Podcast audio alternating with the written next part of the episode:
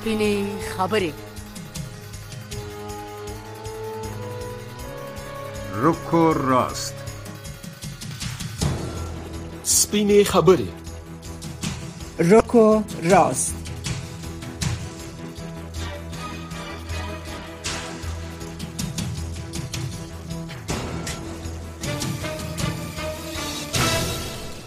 السلام علیکم درنو اوریدونکو او د آشنا رادیو په ویب پاڼه باندې زموږ لیدونکو.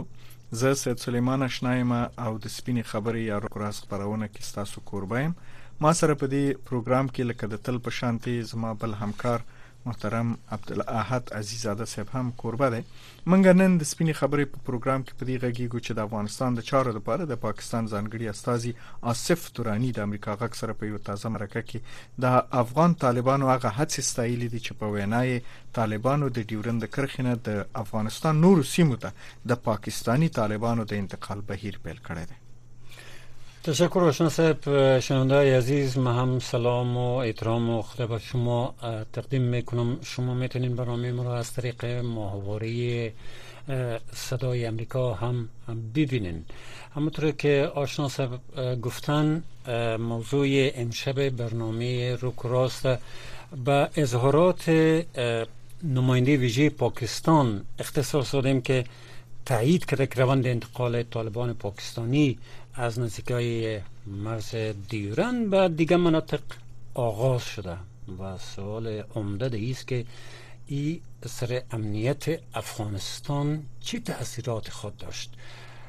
ما دو مهمان عزیز دعوت کردیم که با اونا این موضوع را به تحلیل می‌گیریم و تحلیل های اونا را میشنیم اما قبل از اینکه به مهمانای خود بریم. با اجازه آشنا صاحب به اخبار افغانستان منطقه و جهان گوش میدیم و بعد از او صحبت با مهمانای خود آغاز میکنیم. ویان سید سلیمان شاه. په افغانستان کې د ملګرو ملتونو ځانګړي سیاسي دفتر یا وینما په خپل تازه درې میاشتنی ریپورت کې چې د ملګرو ملتونو د امنیت شورا ته وړاندې کړي او متن نن د یک شنبه په ورځ د جولای په 9 مخ پور کو ویل دي چې له نړیوال ټولنې سره د یو ځای کېدو لپاره د طالبانو ارزو او هیله د ایجابي چې هغوی په هواد کې د بشري حقوقو د ودې په منزور کوټلي او عیني ګامونه واخلي. د افغانستان لپاره د پاکستان د حکومت ځانګړي استاذي آصف دورانی د ډیورند د کرخې په دواړو خواو کې د وسلوالو ډلو د فعالیتونو په اړه د پاکستان د اندېښنو د رفع کولو لامل د طالبانو د حکومت د هڅو ستاینه وکړه. د خبر تفصیل ښاغلي دوراني امریکا اکثره په مرکه کې د تحریک طالبان پاکستان ډله جدي موضوع وبلله او دای هم ویل چې افغان طالبانو د دې ډلې د شندولو بهیر پیل کړی. خو زیاته کړ چې لا وخت دی د دې اقداماتو په نتیجې سره وغږیږي. د آصف دوراني اشاره د افغان طالبانو هغه اقدام ته چې څه موده وړاندې اعلان کړی و د تحریک طالبان پاکستان غړي د سرحدي سیمو څخه د افغانستان نور ولایتونو ته لیږدوي د پاکستان د جګپوري چارواکي په مرکه کې وویل چې د طالبانو په غوښتنه د ټي ټي پی د مشرانو سره خبرې پیل کړې دي ترڅو قناعت ورکړي چې د تشدد څخه خلاص واخلي. خو زیاتوي چې دا خبرې تیر کال په دې خاطر به نتیجه شو چې د وسلوالو غیر منطقي غوښتنې درلودې سره لري چې د طالبانو حکومت په دې ټینګار کوي چې په افغانستان کې ترهګري ډلې نشته. خو د پاکستان ځانګړي استاذي په مرکه کې وویل چې د تحریک طالبان پاکستان په ګډون د ختیځ ترکستان اسلامي غورځنګ ځنې غړي هم په افغانستان کې فعال دي. د طالبانو حکومت د مطبوعاتو مرستيال بلال کریمی د خواجه آصف څرګندونې بیا اساس وبللې او زیاته کړه چې په کار نه د غصب بځایه او د اسنادو پرته اندېښنې مطرح شي غورځنګ د امریکا غږ واشنگټن. د افغانستان سیمه او نړۍ خبرونه د امریکا غږ واشنگټن نوري د طالبانو د حکومت د بهرنی چارو د وزارت سرپرست امیر خان متقی وای په افغانستان کې غټي اقتصادي پروژې په کار اچول شوې او د اقتصادي بحران خبره محض پروپاګاندا لبل خوا د قانون او پټرولیم وزارت وای چې د امو د سین لکاسینه د سرپل ولایت د قشقری د څاګانو د خامو تیلو راوستل پیل شوې دي دغه وزارت سرپرست شهاب الدین دلاور د عملیات د طالبانو د حکومت یو فوق العاده مهم ګام وبالو د طالبانو د حکومت د کورنۍ چارو وزارت وایي چې پولیسو د مخدره موادو په خلاف په جلا جلا عملیاتو کې د غور په ولایت کې 15 فابریکې اړنګې کړې دي او اته کسانی نیولي. همداراز پولیسو په سمنګانو کې هم 3000 کیلوګرام مخدره مواد ونیول. دا واشنگټن دی په داسې حال کې چې د متحده ایالاتو حکومت د جمعې په ورځ اعلان وکړ چې د یوکرين پوسټا د کلستري خوشي بمونو د لګلو پلان لري توقع ده چې بل ونی با په لیتوانیا کې د ناتو مشران په خپل علي غونډه کې په دغه نظامی تړون کې د اوکرين د شمولیت پر امکاناتو غور وکړي. جمهور جو بایدن هم په دغه سرمشري غونډه کې برخه اخلي سوداني چارواکي واج په یو هوایي برید کې چې د اومدورمان په بندري ښار کې وشو لکه لګا دویش کسان وژل شوی دي. د چین د دولتي تلویزیون د ریپورت سره سم د غهوات په ختیځ کې په یو غرنۍ علاقه کې په یو کلی کې د ځمکې له خویدو وروسته نن د یک شنبه پورز هم د اوروژنې د عملي پولیسو طبي کارکونکو او جیولوژیکي ماهرانو په ګډون د نجات او ژغورنې عملیات روانو نه کسان ورک دي د متحده ایالاتو د خزانه وزیره مرمن جنت ایلن چې چین ته په یو څلور ورځنی سفر تللی و نن د یک شنبه په سهار په بیجینګ کې په یو خبري کانفرنس کې اعلان وکړ چې د یو سفر په دوران کې د دواړو هیوادونو ترمنځ موجود ټول چیلنجونه حل کېدای نشي د امریکا د بهرنی چارو د وزارت د ملکی امنیت دیموکراسي او بشري حقوقو د چارو سکرټره مرمن عذرا زیا په دې ونه کې هند او بنگلاديش ته په رسمي سفر زی ټاکل شوی چې نوموړي به مامورانو او د مدني ټولنې لا اساس سره د اقلیتونو د ستونزو بشري حقوقو او بیان د ازادۍ په اړه خبري وکړي. د شنبه پورس په لسګونو زره اسرایلیان د وشتمي ونې لپاره په مسلسل ډول د صدر اعظم بنیامین نتنیاهو په مشرۍ د خلاصي ائتلافي حکومت د هغه پلان د غندلو په غرض په تل ابیب کې راجم شو چې د موجوده قضایي نظام د بدلولو په منځوري په پا پام کې نیولې په داسې حال کې چې په کمبودیا کې د جولای په درشتمه د ملي اسامبلې لپاره انتخابات کیږي او اتلس ګوندونو ځانونه راجستر کړي. توقع ده چې د صدر اعظم هون سن په مشرۍ د کمبودیا د خلکو واکمن ګوند به د ځلې هم ټولي چوکۍ وګټي. نړیوالو سازمانونو دا انتخابات کاذب بللي دي او د نصرت احمدیار په نوم یو د شکلن افغان چې په افغانستان کې د امریکایي ځواکونو سره څو کاله کار کړو او په دې ونه کې په واشنگټن ډي سي کې غلو وويشت د شنبه په ورځ د ورجینیا په ایالت کې خاورتا وسپارل شو. د خبرونو پای.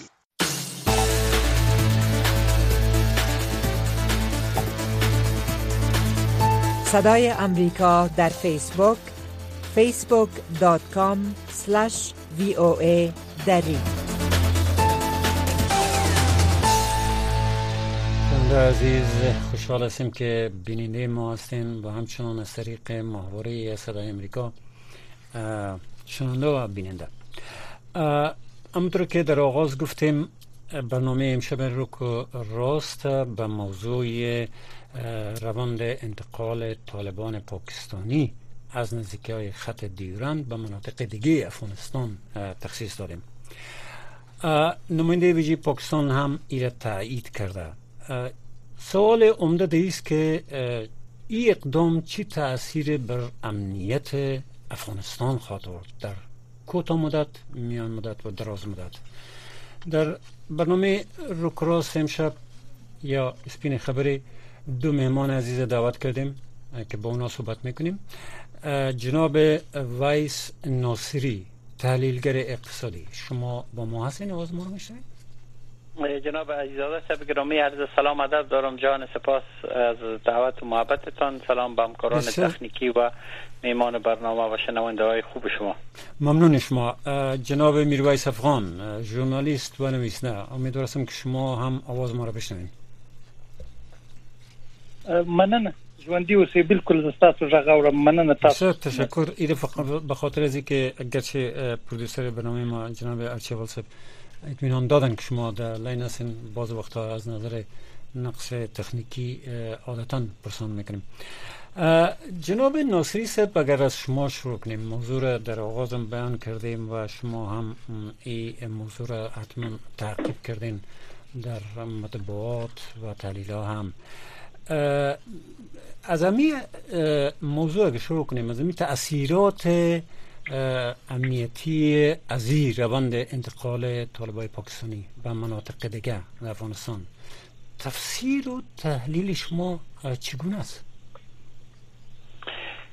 با اظهار سپاس مجدد ببینین این سند و این توافقی را که اینا شکل دادن در ابتدا باید گفته شود که یک سند و ثبوت انکار ناپذیر حضور و وجود گروه های جنگی مانند تی تی پی یا مو حرکت اسلامی طالب های پاکستان است که طالب های افغانستان ایره تایید کردن و قبول کردن که اینا در خاک افغانستان هستند نیروهای مسلح هستند و مو حملات نظامی را که پاکستان در 2022 در اپریل 2022 انجام داد به خاطر از بین بردن پایگاه های نظامی از اینا در کنر و خوست و همو حملات را که اینا بر خاک پاکستان می‌کنن مخصوصا در پشاور و کراچی دو حملات بسیار کلان را انجام داده. تشدید حملات و به حساب امو توافق نامی را که اینا زیر نظارت و یا همکاری و هم میانجیگری آقای سراج الدین حقانی و طالبای با افغانستان مخصوصا بخش شبکه حقانی یک آتش پس صورت گرفته بود که باز به پایان رسید تمدید نشد. بالاخره این توافق که اینا می‌کنن که همی حتبای وزیرستان شمالی با فامیل هایشان و به حساب جنگجویان با فامیل هایشان به مناطق دیگی داخل افغانستان به مناطق شمال افغانستان مناطق جنوب مناطق شاید غرب افغانستان مناطق مرکزی افغانستان انتقال پیدا کنن این سند و ثبوت عزیز که پاکستان حتی در کنفرانس اخیری که در شانگهای در دلی بود گفت که تهدید تروریسم تهدید واقعی هست. و پاکستان با تمام کشورها مظلوم نمایی کرد و گفت که ما در همکاری هستیم بر مبارزه با تروریسم. و این سند از طالبای افغانستان گرفت که بله تی تی پی در افغانستان است. و به حساب جیش محبت سپاه صاحب و ها گروه دیگه که در پاکستان عملیات انتحاری و انفجاری می‌کنن. در افغانستان است تحت حمایت طالب های افغانستان است و افغانستان به یک تعدیدی بر تروریسم بر, منطقه مبدل شده. با صدور تروریسم و حمایت از گروه تروریستی. و این یک سند بسیار کلان بود. ای که اینا انتقال پیدا کنن تروریسم از جنوب و شمال برای ضررش به مردم افغانستان چیست؟ هیچ ترور که در جنوب باشه یا شمال باشه مردم افغانستان به عین سویه دچار مشکل میشن ای که تروریستا در داخل افغانستان در مناطق شمالی برای کشورهای آسیای میانه را تهدید کنه. این هم یک تحلیل شاید بسیار دقیق نباشد چرا ترور از هر منطقه می‌تونه که عملیات کنه. و ای که پاکستان بعد از به بهانه جنگ با تروریسم و تی تی پی مناطق شمال افغانستان بمبارد کنه این هم بحث علایدی است ولی واقعیتی است که پاکستان به خاطر براعت خود و به خاطر سند و ثبوت از که امنیت ملی پاکستان در خطر است این توافق با طالبای افغانستان امضا کرد و اینا هم مغرورانه و به حساب شکل غیر سیاسی اعلان کردند که برای ما توافق کردیم که این مهاجرین به اصلاح و اعضای تی تی پی و غیره به داخل افغانستان و مناطق شمال انتقال پیدا کنه. ایره پاکستان من حیث یک سند برای براحت خود در سطح جهان برای عملیات های نظامی بعدی خود برای ایجاد ائتلاف بین‌المللی بر ضد طالب های افغانستان به خاطر اینکه پاکستان امروز بازی که با افغانستان و کشورهای منطقه مخصوصا هند انجام می‌داد با صدور تروریسم و حمایت از گروه تروریستی امروز خانی خودش در باب کرده. امروز بیرق های سیاه و سفید می‌خواه که در اسلام آباد بلند شود. و طالب ها داراکولای پاکستان داراکولای خلق کرد که امروز خانه خودش می‌خواه خراب کنه. بنان حین می به خاطر جلوگیری از سقوط حاکمیت و حکومت یک دولت مقتدر در جهان با, با که پاکستان نام داره. هشتمین قدرت نظامی جهان است و یکی از کشورهای قدرتمند است که دارای بمب اتم است و از نظر نیروی نظامی از نظر اقتصاد پانزدهمین اقتصاد جهان داره. پاکستان یک کشور کوچک نیست که با شوخی و بازی شود. بنابراین اونا به خاطر حفظ امنیت خود امنیت ملی خود و حاکمیت اسلام آباد طالبای افغانستان به بازی گرفتن با برشان سند ثبوت به جهان دادن که بله اینا میگن که امی تروریست ها امی گروه ها در افغانستان است. ما اینا را فقط از خوست و مناطق مرزی و مناطق شمال انتقال میتیم و این سند گرفت. و یکی انتقال تروریسم از شمال به جنوب است به افغانستان نقص می‌کنه. طالب که در هر گوشه افغانستان حاکم باشه بر ملت ما نقص داره و تروریسم چی در جنوب باشه چی در شمال برای ملت ما حاکمیت و حمایت از گروه های تروریستی و حکومت پلیسی وحشی به نام طالب ضرر است و نقص است و بنان هیچ برای مردم افغانستان انتقال تروریسم از شمال به جنوب هیچ نقص و فایده نداره بلکه یک بازی پاکستان بود که با طالبان انجام داد. تشکر ویس ناصری صاحب تاسو تم ستړي مشوم په خپل نوبت سره. کور ودان مشرح جواب نم. او د دې لپاره چې د طالبانو نماینده نشته د ځنې پښتني شاید ورته راځي چې ستاسو د مستقیم ادا په صورت کې نو موږ نه لرو دا غوي خلاص ته یعنی زی په خواني اعلامیه باندې باید کاو کو میرویس افغان صاحب تاسو تم ستړي مشوم پروګرام ته تاسو په خیر راغللی د وایسي صاحب د خبرو په امتداد غواړم د پښتنه په بل ډول تاسو سره مطرح کوم د تحریک طالبان پاکستان ډله 2010 کې د امریکا د خارجه وزارت د خوانه په تور لیست کې شامل شو او اوس طالبان په یو ډول یا د پاکستان رسمي مقامات په یو ډول دا تاییدي چې د طالبانو حکومت دامني چې یو ډله چې تروریستي ده دوی د افغانستان د نن ځان ساتلې ده او په خپل خوخي د یو زینه د افغانستان بلې سیمې ته انتقالي دي لپاره چې یو گاونډي هیواد ته غوښتنه کړي. فکر نه کوي چې دا علني د نړیوالو ټولو قوانینو خلاف یو عمل کوي او ترڅنګ د افغانستان امنیت د لوی نړیوال خطر سره مواجه کوي مننه.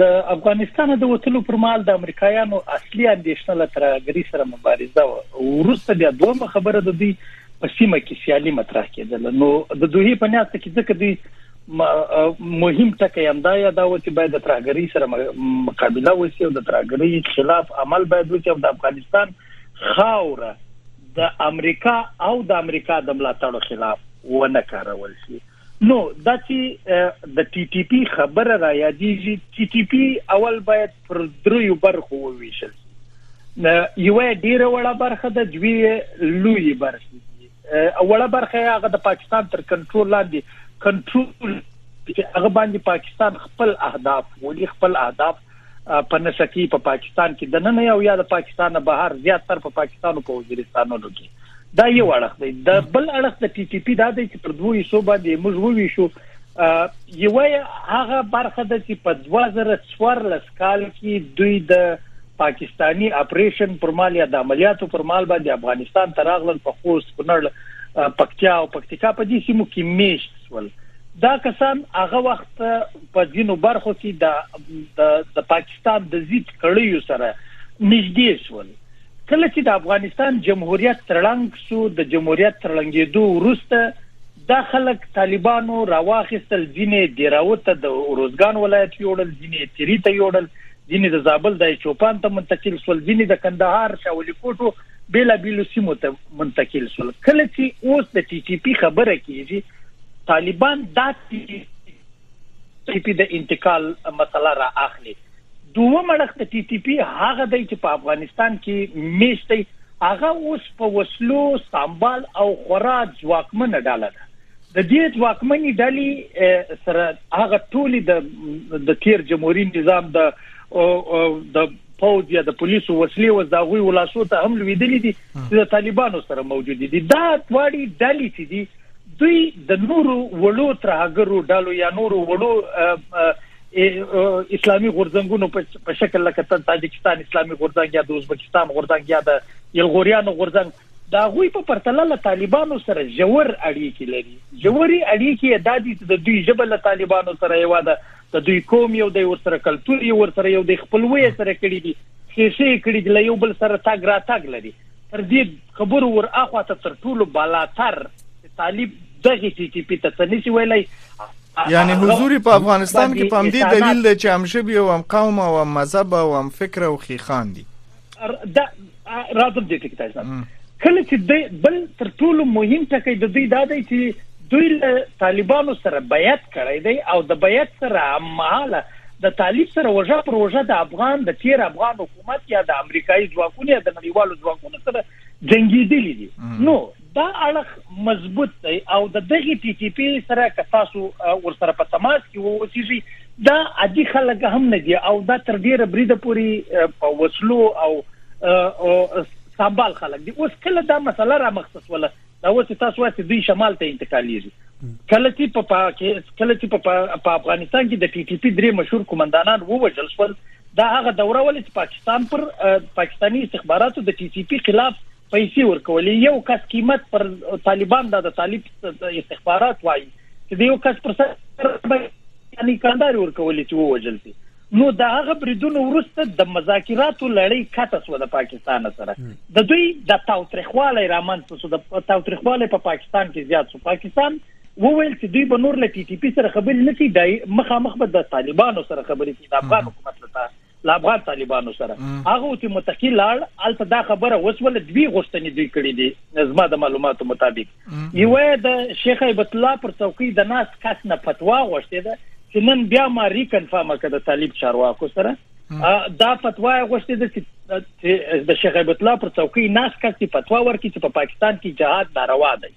دومره دا غوښتنه کړې ده چې تاسو به ټي ټي پی یا لمنځه وړي یا به د پاکستان د National Action Plan لمخې چې دوی د پېښور د پولیس لاین تر 14 وروسته د بیا عملي کولو اجازه ورکړ. دا غله مخه به پاکستان د دې خلاف عملیات کوي. نو د دا وړاندیز لخوا څخه سوی د پاکستان ته چې موږ به دا کسان منتقل کو نور سیمو ته به ولې دولت دي سیمه څخه لږ ډیورنت کرشته نږدې پراته دي نو تر اوسه پورې لا د دوی مذاکرات روان دي او د پاکستان له لوري دا خبره نه د ورسره منل شوی پاکستان د دو مور پالیسی پر مخ وړي او هغه ورته وای دو مور.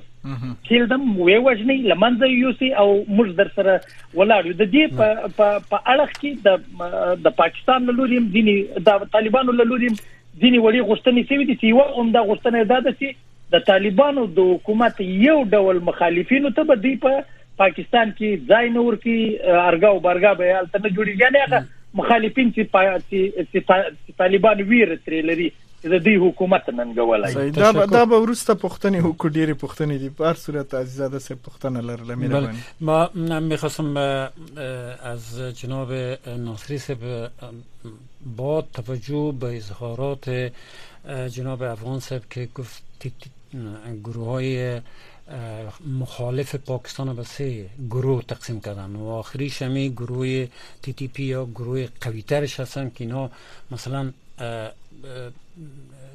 با انتقال داده خواد شدن به مناطق دیگه افغانستان. اما سوال عمده دی است که وقتی سخن از گروه های تروریستی میشه که اعمال تروریستی انجام میتن چی در افغانستان چی در منطقه و چی در هر جایی که باشن. ای خو مخالف پالیسی کشورهای جهان است. از جمله امریکا از جمله دیگر ممالک کشورهایی که در هر مورد و در هر جا به تازه ترین اجدمی کنفرانس شانگهای مخالفت خود با, با تروریسم و دهشتگری و دهشت افغانی ابراز داشتن. شما فکر می‌کنین که تصمیم تصمیم تنها طالبا هست و یا ای که قبل از اینکه تصمیم گرفته شود بین از طرف طالبا که به موافقه برسه با, با پاکستان با کشورهای دیگه هم که مخالفت خود با علنا با تروریسم ابراز کردن و می‌دانن که اینا از جمله گروه های تروریستی هستند. مثلا کشورهای غربی مانند ایالات متحده کشورهای بزرگ قوی عربی یا سایر کشورها. فکر می‌کنیم که بدون هماهنگی و یا بدون مشوره با اونا ای کار شده باشه قسمه که آصف علی خان نماینده خاص پاکستان در امور افغانستان میگه که بله طالبا با ما توافق کردن که دی پی را از مرزهای ما به داخل افغانستان منتقل میگردانند و یک اقدام نیک است و ما در مراحل ابتدایی هستیم و ما منتظر به حساب نتیجه از این کار هستیم. ولی در حین زمان در حین مصاحبه آقای درانی میگه که حضور جنبش اسلامی ترکستان و تی تی پی و دیگر گروه های تروریستی باعث تشویش همه ما است و همه ما یک موضوع داریم. همون تعلیل رکمه پیشتر کردم که پاکستان با یک تی چند فاختر به حساب نشانه گرفت که از یک طرف سند و ثبوت حضور تی تی پی و دیگه حرکت های مسلح شبه نظامی که بر ضد امنیت ملی پاکستان مبارزه می‌کنند در داخل افغانستان به حمایت طالبا هست و دوم وقتی که موضوع انتقال از اینا مطرح میشه و به شکل دیپلماتیک و در لفافه میگه که ما باید از طالبها حمایت کنیم که اینا مواد مخدر اینا را کش کم کردن و گروه های تروریستی را می‌تونن زیر کنترل بگیرن. اما باز از حضور از اونها یادآوری می‌کنن میگه باعث تشویش نه تنها ما بلکه پای چین داخل می‌کنه پای دیگران هم داخل می‌کنه. پاکستان می‌فهمه که طالب ها بعد از به قدرت رسیدنشان دو انتخاب داشتن. یا ای که به شکل یک دولت با دولت با ساختن یک نظام و حکومت متحد به تشکیل یک نظام باشه که پابند به قوانین بین‌المللی باشه و رابطه دولت با دولت با تمام کشورها ایجاد کنند. و دیگه از همو خیر به حساب وابستگی ایدئولوژیک و افراطی خود بگذرند و یا ای که قربانی وابستگی های ایدولوژیک و هم قرائت مذهبی خود شوند و بعد از پی تشکیل یک نظام به نام امارت اسلامی که در سر تا سر جهان اسلام یک امیر المومنین باید باشه. طالبان هرگز نمیگن امیر المومنین قندار امیر المومنین حرکت اسلامی طالبای افغانستان. کلمه افغان و افغانستان هرگز در کنار امیر المومنین اینا یادآوری نمی‌کنند. چنانچه نور نورالله محسود رهبر امی تی تی پی یا حرکت طالب های پاکستان بعد از قدرت رسیدن طالب ها بار دیگه اعلان کرد که من به ملا حیبت الله بیعت کردم. یعنی بیعت رهبر سیاسی نظامی تی تی پی یا جنبش اسلامی طالب های پاکستان به رهبر طالب های افغانستان به معنای چی است؟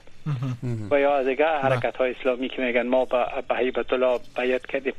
تصمیم و اراده و قراحت طالب های افغانستان که امروز افغانستان و کابل یا قندار به دارالاماره مبادل می‌کردن این است که اینا به فکر از هستند که تمام دولت هایی که در اطراف افغانستان دولت های اسلامی اینا ناجایز هستند به شمول پاکستان و یک امیر المومنین و یک دارالاماره باید ایجاد شود که همون تعلیلشان از تشکیل حکومت خلافت اسلامی یا حکومت جهانی اسلام است. که صدور انقلاب صدور ایدولوژی و صدور به حساب حکومت و حاکمیت متاسفانه هست و این بیت نورالله محسود و دیگر عبران تی تی پی و عیبت الله می معنا رو داره. بنان تی تی پی جزء از ساختار سیاسی نظامی طالب ها هست که در افغانستان امروز حکومت می‌کنن و اسلام آباد میدانه که یک حرکت جهانی اسلامی میان جنبش اسلامی ترکمنستان جنبش حرکت اسلامی ازبکستان اویغورها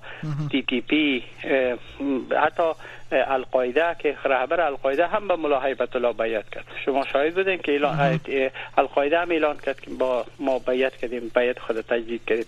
بران تمام از اینا روی یک سکه هستن. و حرکت از اینا فکر از اینا.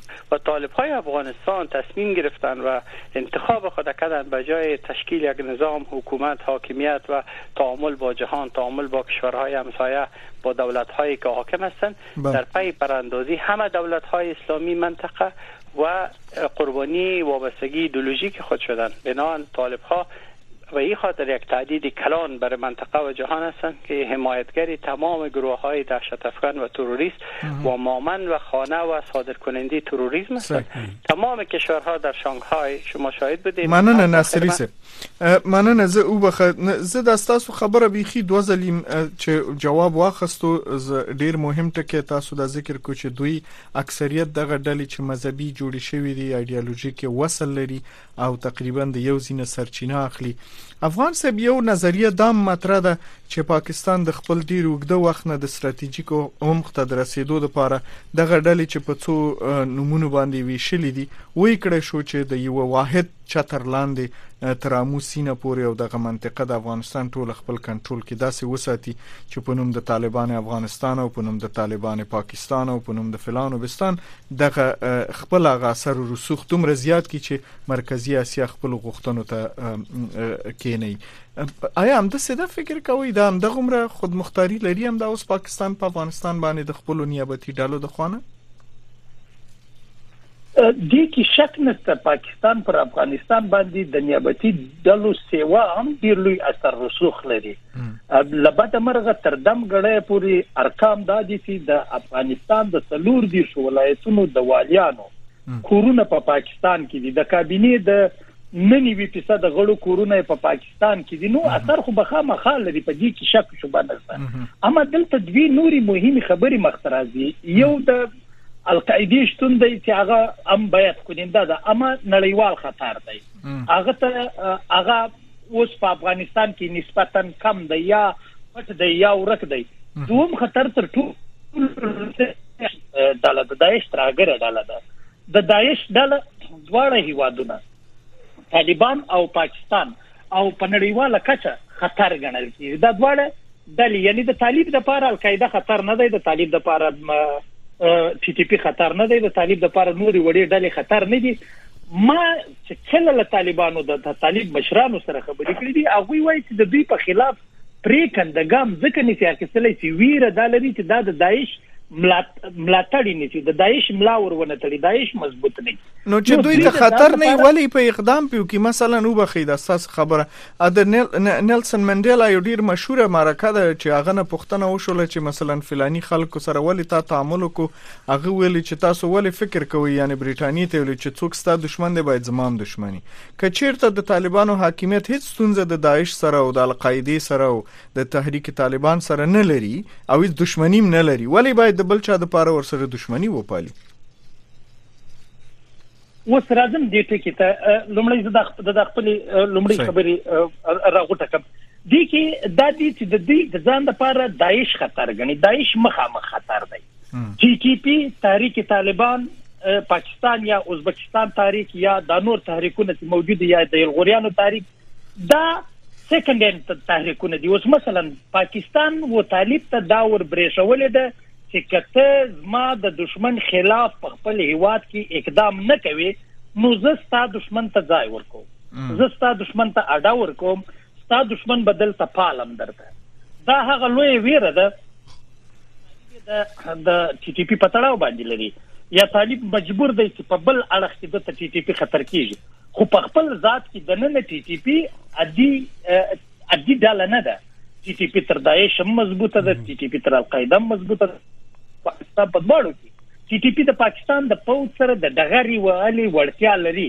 کله چې هغه د پاکستان د پوز سره د دغرو وهلو وړتیا لري نو پر طالب باندې خو پچرکی بریدونو کې ظاهر خبره ده ډیره مضبوطه بریژ نو دا وجه ده چې طالب پاکستان مجبور کوي چې د ټي ټي پی خلاف باندې خلاف اقدام کوي. هو لې تر کومه برید چې د یلغوریانو خبره ده هغه د چین د بارونی چارو وزیر تیر ښکارا وویل چې طالبانو په لیکلي ډول باندې ورته ویلي چې دوی ته ستریټ نه جوړیږي. د دې ځای به دوی ته خطر نه جوړیږي.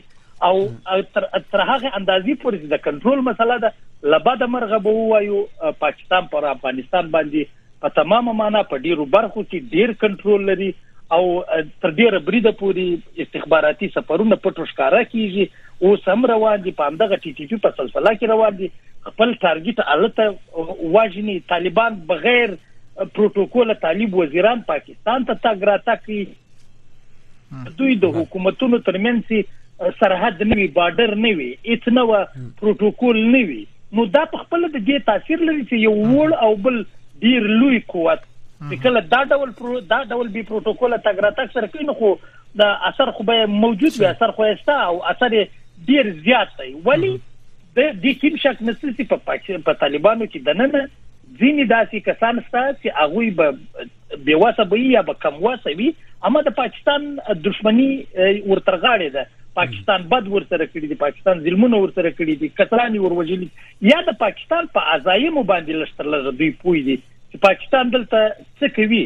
خو د دې ورخواته لوی ډاله لوی لوی لوی برخه ده هغه دا ده. یعنی طالب مشرانو سره کتا سو خبري وکي هغه دا وای ځینی البته هغه کسان چې خبري کوي هغه پالیسی پر درو برخو ویشل شوی ده. په کورنۍ پالیسی زموږ څو کار نه لري سیمه پالیسی پای بارني پالیسی ډیر لوړه اداره کیږي. نو تر دې اندازې پوری دا د طالبانو وینا د طالب وایي چې کورنۍ پالیسی کې دوی آزاد دي. ځکه خو دوی دومره توندلاري دي چې پر شذ باندې د ډوډۍ دروازه بندوي د کار دروازه پر بندوي او د مکاتب دروازه پر بندوي.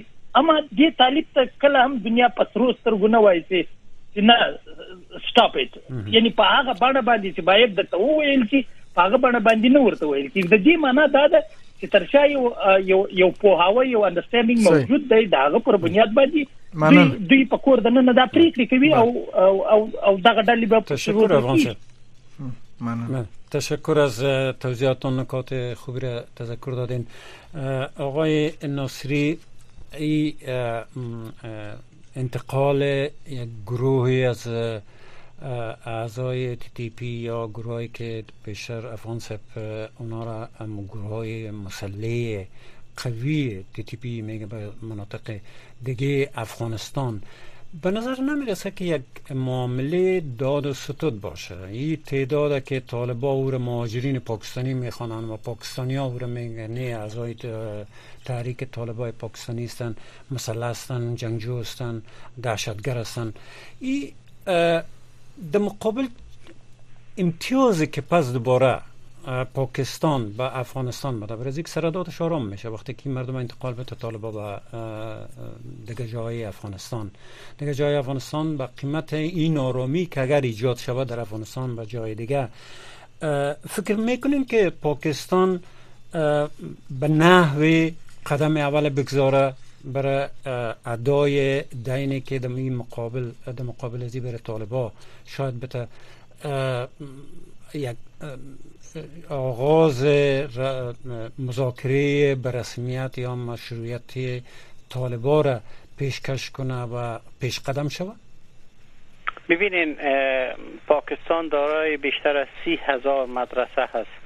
و تفکر و به حساب دعوت جهاد و جهادی گروه های جهادی در پاکستان بسیار زیاد است و تنها تی تی پی نیست دیگر گروه ها هم در اونجا موجودیت دارند و ریشی از اینا در مناطق به حساب قبایلی و مناطق مرزی پاکستان افغانستان بسیار قوی هست. انتقال از اینا چند نفر مسلح به داخل افغانستان به معنای قطع رویارویی و جنگ و خونریزی و کشتار در پاکستان نمی‌تونه بوده باشه. و تا زمانی که حکومت و حاکمیت به نام طالب های افغانستان حکومت کنند با دعوتی که من بیشتر گفتم که جهانی هست و او را به حساب اینترناسیونال و به شکل بین المللی می‌خواین یک امارت اسلامی در سطح حداقل کشورهای همسایه افغانستان ایجاد شد و این دعوت هم جریان داره و به حساب اینا هیچ تصمیم برای ساختن یک حکومت ملی قوی در افغانستان ندارن و هیچ اراده طالب نداره بلکه بازی بسیار خطرناک جریان داره. پاکستان به نظر من فعلا با وجود که از طالب ها حمایت کرد در ایجادشان در تمویلشان در تجهیزشان نقش رول داشت. ولی قسمی که مجاهدین خل سلاح کرد و مجاهدین برش بدیل ایجاد کرد تا اونا را از بین ببره حین بازی پاکستان با طالب ها بران داخته در کنار امی در امی کنفرانس شانگهای شما دیدید که شباهت بسیار نزدیک عجیب میان گفته های شعباز شریف و آقای نرندا مودی موجود بود که هر دو از یک آدرس به حساب حرف می زدن و صحبت را که وزیر دفاع پاکستان با وزیر دفاع تاجکستان می‌کنه از تهدیدی که از افغانستان امنیت ملی در خطر است. و او فیصله تاریخی را که در شورای امنیت ملی پاکستان میشه که ما باید به خاطر امنیت ملی وطن ما در هر نقطه از دنیا در کشور همسایه افغانستان هم اگر تی تی پی و کسی ما را تهدید کنه ما داخل اقدام میشیم. و تهدید بالقوه و هم بار اولین بار در هفتاد سال گذشته تایرهای نظامی پاکستان در 2022 مرز افغانستان عبور کردن و بمبار کرد. من فکر می‌کنم که عین بازی که با مجاهدین پاکستان انجام داد با طالبان امروز انجام میده. در پی از بین بردن حکومت و حاکمیت به نام طالبا هست پاکستان. و میره امران خان می‌خواه افشا کنه ولی هنوز زورش نرسیده که همه مسائل جزیات بگویه به خاطر حفظ جان خود. ولی حکومت جدید پاکستان تحت رهبری شهباز شریف تصمیم امیر شاید داشته باشه که بدیل برای طالب ها ایجاد شود. و با کشورهای همسایه و کشورهای منطقه به می خاطر مسکی یک بازی هست. حرفای آقای آصف درونی که با از طالب ها تمجید می‌کنه در این صحبت خود و میگه که ما باید تعامل کنیم. و یا خود شعبا شریف هم گفت که جهان باید با طالب ها تعامل کنه. ولی ما حاضر نیستیم من حیث یک کشور ایران رو به رسمیت بشناسیم. پاکستان با طالب ها بازی می‌کنه و بزرگترین سند و ثبوت برای جهان انتقال تی تی پی از جنوب و شمال افغانستان بود که داد. حضورشان ثابت ساخت سند بود و بعد از این پاکستان در مانندی که با مجاهدین بازی کرد و همه به حساب هم قدرت و قدرت و صلاح و امکانات کل تنظیم ها را از بین برد و گروه مسئله دیگر ایجاد کرد. در پی به حساب بدیل طالب ها کار صورت میگیره و من فکر میکنم که این بازی جنگ استخباراتی و این در افغانستان به شدت فعلا داره و عمر حکومت طالب ها و عمر حکومت طالب ها کوتاهتر از تمام حکومت هایی که ما شما تال دیدیم. مننه ناصری صاحب یو ډیر مهم ټکی ذکر کو او فکر کوم د تمرکز وړ دی چې په پوره بل وخت بحث وشي خودل ته به زه د یوې پښتنې په اندازه د اقل د افغان صاحب سماتره کوم یو دا چې د امریکا جمهور رئیس هم څه مو د وړاندې د سی یو یادونه وکړه چې طالبان د القاعده التنشته او طالبان د امریکایي ځواکونو سره د تروریزم په ضد مبارزه کې همکاري کوي. دا ښکاری چې دلته د پاکستان چارواکو اوس مننه کړې ده او د طالبانو دغه اقدامات ستایي چې په ډیورن کرخي باندې ټي ټي پی سره په ضد باندې اقدامات کوي یا لری کوي یا ځپی یا قانې کوي څنګه چې د پاکستان ضد اقداماتونه کوي آیا د طالبانو حکومت یوازې د نورو هیوادونو امنیتي ګټو لپاره دلته استخدام دي چې دونه فعال دي او د دې کارونه کوي اما په خپل ملک کې اقتصادي بحران صفر ته تل د د بشري حقوقو او د مدني حقوقو جنجال شته د یو قانوني وثیقه معلومه نه ده او اختلافات په خپل منځ کې ښکاری په هفته کې وزیران تبدیلیږي والیان تبدیلیږي او خپل جنجالونه هم شته ده دوی دوی واقعا د یو سطح کې دي چې د یو دولتداري مسولیت د افغانستان د جغرافیې لپاره په غاړه واخلي افغان څخه اول خو باید زماله نظر طالبانو ته د حکومت په سترګه ونه کتل. طالبان یو ډله ده.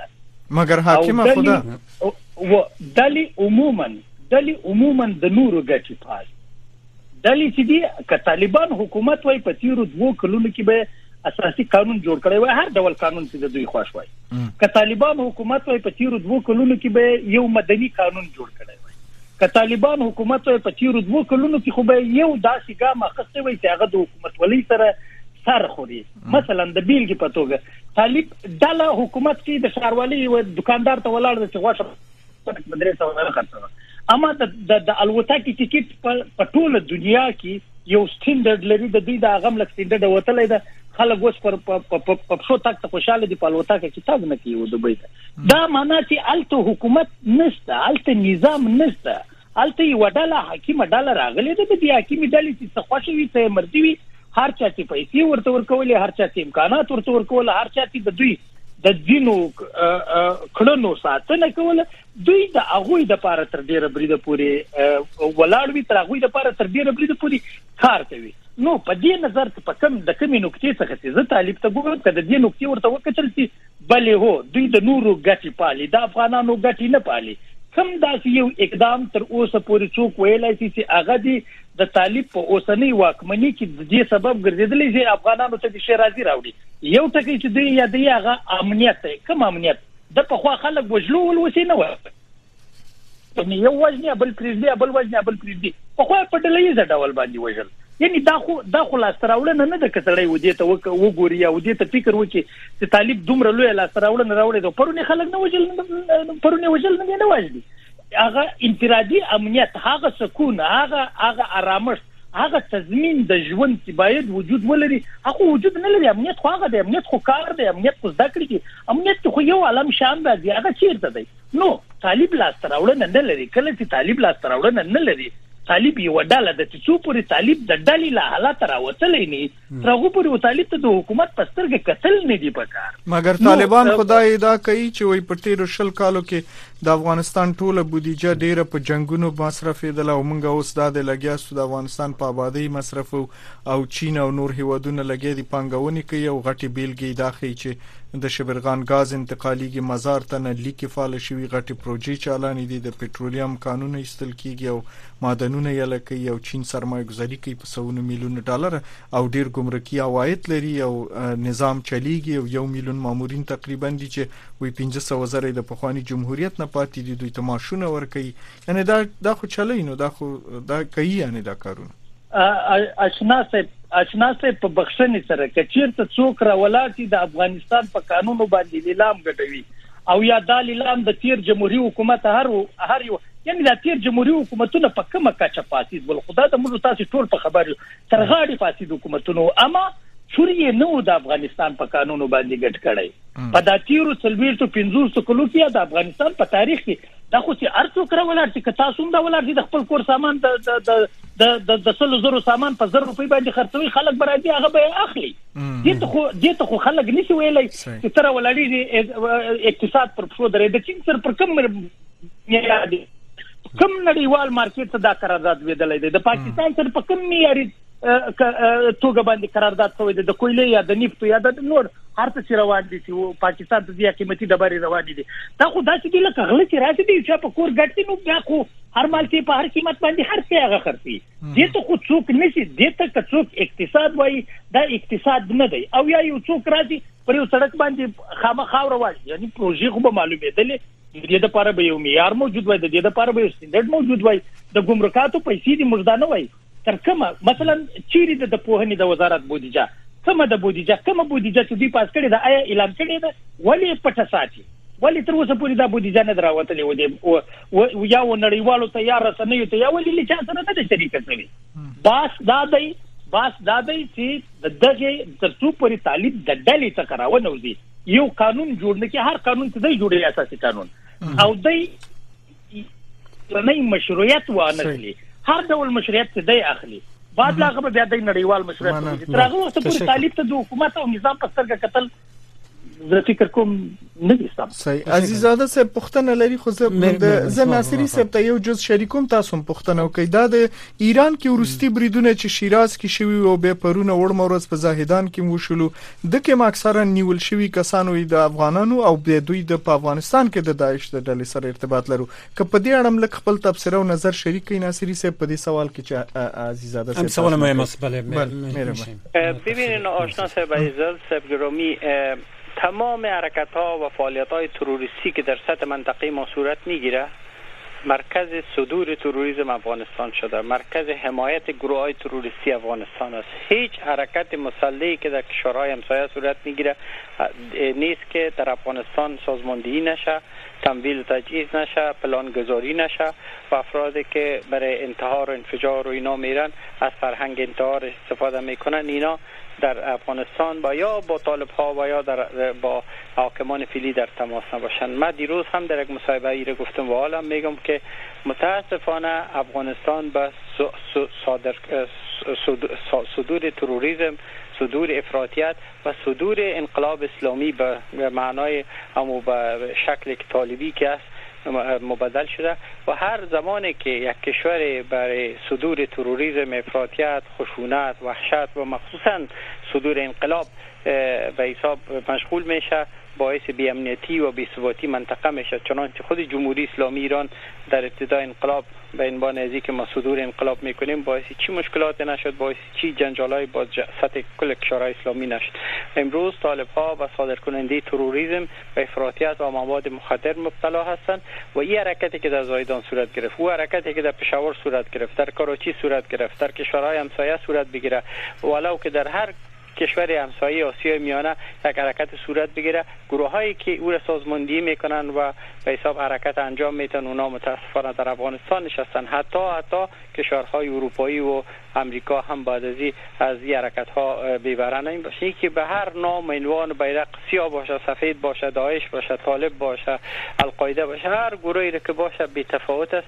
فقط و فقط یگانه گروهی که به حساب باعث تعدید کل کشورها شده. حاکمیت و حکومت به نام طالب است که اینا نه حکومت هستند به گفته آقای افغان و نه اینا نظام هستند و نه قانون دارن نه چوکات دارن و اینا متاسفانه افغانستان به مرکز صدور تروریسم بدل کرد و ما شاهد و ما شاهد یک اجماع اعلان ناشده جانی در ارتباط به افغانستان هستیم. در کنفرانس شانگهای در دلی شما شاهد بودین و در تمام نشست ها و حرکت ها و اعلامی های جان می‌بینیم که یک موضوع و یک موقف است. اعلامی اخیری که در شورای امنیت راجع به افغانستان و بی‌ثباتیش بود نشان دهنده تشویش کل کشورها است که هم چین هم روسیه هم ایران پاکستان هند افغانستان دیگر کشورهای اطراف افغانستان. بناهن ما میگم که حرکت زایدان به با انکشاف تروریسم و به حساب متوطن شدن گروه تروریستی در افغانستان نبود. بله. جناب ناصری صاحب شما عمر حکومت طالبا را که آقای افغان اونا را یک گروه می نامن هنوز نظام نم نیستن به از اونا. شما هم فکر می‌کنین که کوتاس عمر چندان نراد نداره ما حدود یک نیم دقیقه وقت داریم. چه چی پیش بینی می‌کنین؟ چیز از حدود یک ماه بعد در 15 آگست اینا دو سال از حاکمیتشان میگذره به افغانستان. فکر می‌کنین که دو سالگی را پورا می‌کنن بعد از اون یک چیز دوام خواهد کردن یا ای که به زودی ما تخمین می‌کنم؟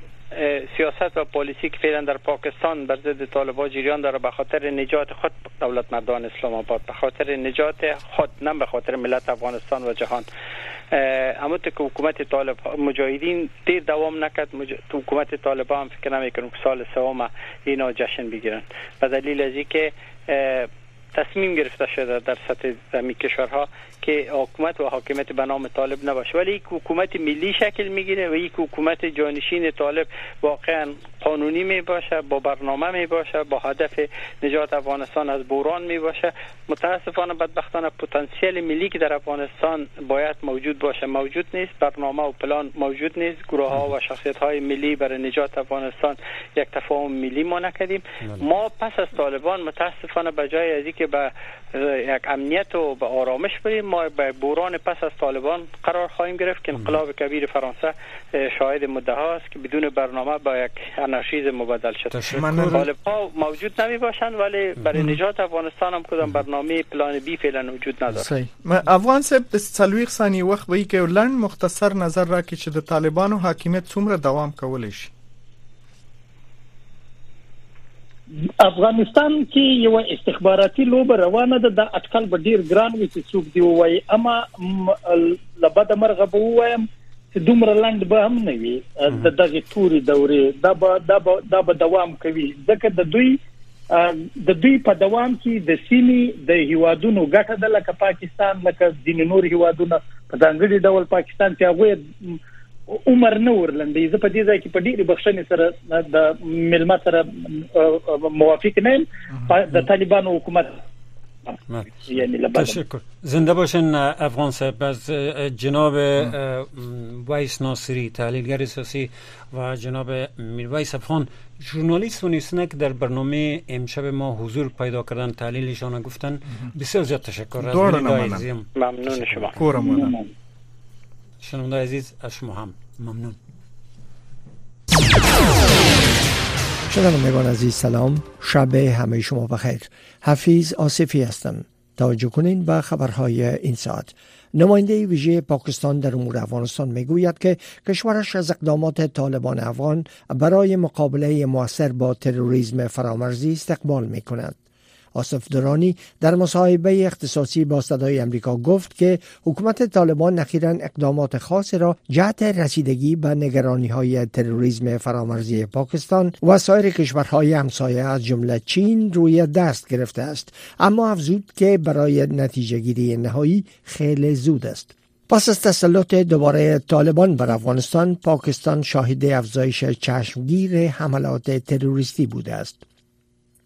در حالی که سرمایه گذاری های چین در افغانستان رو به افزایش است رسانه های دولتی این کشور گزارش می دهد که چین بیش از 350 میلیون دلار را در بخش های مختلف سکتور اقتصادی این کشور سرمایه گذاری می کند رادیو و تلویزیون ملی افغانستان که توسط طالبان اداره می شود از قول عبدالرحمن حبیب سخنگوی وزارت اقتصاد حکومت طالبان در گزارش اعلام کرده که در چند ماه آینده شرکت چینا افغان در بخش های صحت برق و تولید سمنت سرمایه گذاری را آغاز خواهد کرد. این در حال است که بساس گزارش ها خدمات امکانات صحی و شفاخانه ها در افغانستان در وضعیت بسیار بد قرار دارد همچنان با وجود ذخایر عظیم آب و انرژی افغانستان برق مورد نیاز خود را از کشورهای آسیای میانه وارد می کند وزارت مالیه حکومت طالبان می‌گوید که در ربع اول سال 1402 خورشیدی میزان صادرات افغانستان به ارزش 30 میلیارد و 536 میلیون افغانی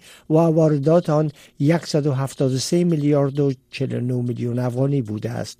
و گفته این وزارت همچنان طی همین مدت 10033 محموله تجارتی از طریق قلمرو افغانستان به صورت ترانزیت به سایر کشورها انتقال یافته است. این ادعا در حال صورت گرفته که با تسلط دوباره طالبان بر افغانستان در ماه اگست سال 2001 میلادی اقتصاد این کشور با بحران مواجه شده و به سکتور صادرات و واردات آن نیز آسیب رسیده است. صدها نفر از اعضای جامعه سیک های مقیم کانادا روز شنبه هشتم ماه جولای در مقابل کنسولگری هند در شهر تورنتو گرد هم آمده و در اعتراض به کشته شدن یکی از رهبرانشان دست به تظاهرات زدند. جزئیات بیشتر را از فوزی احسان میشنوید. معترضان حکومت هند را به دست داشتن در گلوله‌باری بر هاردیپ سنگ نیجار رهبر یکی از معابد سیک ها در شهر ونکوور کانادا متهم کردند. هاردیپ سنگ نیجار که هند او را تروریست تحت تعقیب اعلام کرده بود به تاریخ 18 جون در حومه شهر ونکوور که محل زندگی بزرگترین جمعیت سیک ها در کانادا است کشته شد نیجار برای ایجاد یک کشور مستقل به نام خالستان برای سیک های هند که بخشهایی از شمال هند و شاید بخشی از پاکستان را شامل می شود مبارزه می کرد. هند او را به انجام حملات تروریستی در هند متهم کرده بود. اتهامی که او آن را رد کرده بود. ادامه خبرها. اداره عالی تنظیم مالی چین شرکت فینتک را به دلیل نقض قوانین مربوط به حمایت از مصرف کنندگان حدود 7.1 میلیارد ین معادل 994 میلیون دلار امریکایی جریمه کرده است. شرکت fintech توسط جک ما میلیاردر و سرمایه گذار چینی تأسیس شده است. بر اساس خبرگزاری رویترز قرار است بانک خلق چین این جریمه را بر شرکت fintech در روزهای آینده اعلام کند. جو بایدن رئیس جمهوری ایالات متحده در جریان سفرش توقف در بریتانیا خواهد داشت و با پادشاه چارلز سوم درباره محیط زیست و با ریشی سوناک صدر بریتانیا در ارتباط با جنگ اوکراین گفتگو خواهد کرد. بایدن روز یک شنبه در مسیر سفرش به اجلاس سران ناتو در لیتوانیا به لندن توقف کرده و قرار است روز دوشنبه با سوناک در جاده داونینگ ده مقر صدارت گفتگو کرده و سپس به قصد وینزور برود تا برای اولین بار از زمان تشییع جنازه ملکه الیزابت دوم در ماه سپتامبر با چارلز سوم پادشاه بریتانیا ملاقات کند. قانونگذاران مخالف در کوریای جنوبی روز یک شنبه از رئیس سازمان نظارت هسته‌ای ملل متحد به دلیل تایید برنامه های ژاپن برای رهاسازی فاضلاب تصفیه شده از کره هسته‌ای آسیب دیده فوکوشیما به شدت انتقاد کردند. آنان با رافائل گروسی رئیس اداره بین المللی انرژی اتمی در یک جلسه پرتنش در سئول در حال ملاقات کردند که معترضان در بیرون از محل ملاقات تجمع کرده و شعار می‌دادند گروسی در آخر هفته وارد کوریای جنوبی شد تا با مقام های حکومتی و منتقدان تعامل کرده و به کاهش نگرانی های عمومی در مورد امن بودن مواد غذایی کمک کند. و دو قانون بحث برانگیز امضا شده توسط رئیس جمهور بوسنیا که واشنگتن می‌گوید توافق صلح را که به جنگ دهه 1990 بوسنیا پایان داد تضعیف می کند روز یک شنبه مریول اجرا شد. میلوراد دودیک رئیس جمهور متحد کرملین روز جمعه قانون را امضا کرد که به اساس آن به طور موثر به نهادهای سربهای بوسنیا اجازه می دهد تا تصمیم های نماینده ارشد بین المللی را در بوسنیا نپذیرفته و یا نادیده بگیرند. قانون دومی که روز جمعه توسط دودیک امضا شد به رسمیت شناختن احکام محکمه قانون اساسی بوسنیا را از سوی نهادهای سرب بوسنیا به حالت تعلیق در می آورد پایان اخبار تا این ساعت از رادیو آشنا صدای امریکا. د حفیظ آصفي صاحب نه پماننې زه او احد عزیزاده صاحب هم د ټولو اوریدونکو نه مننه کوم چې د سپینې خبرې یا کورا خبرونه کې مونږ ته پاتنی ولې د ملمنونو مننه او تاسو ته ښه وخت او خوشبخت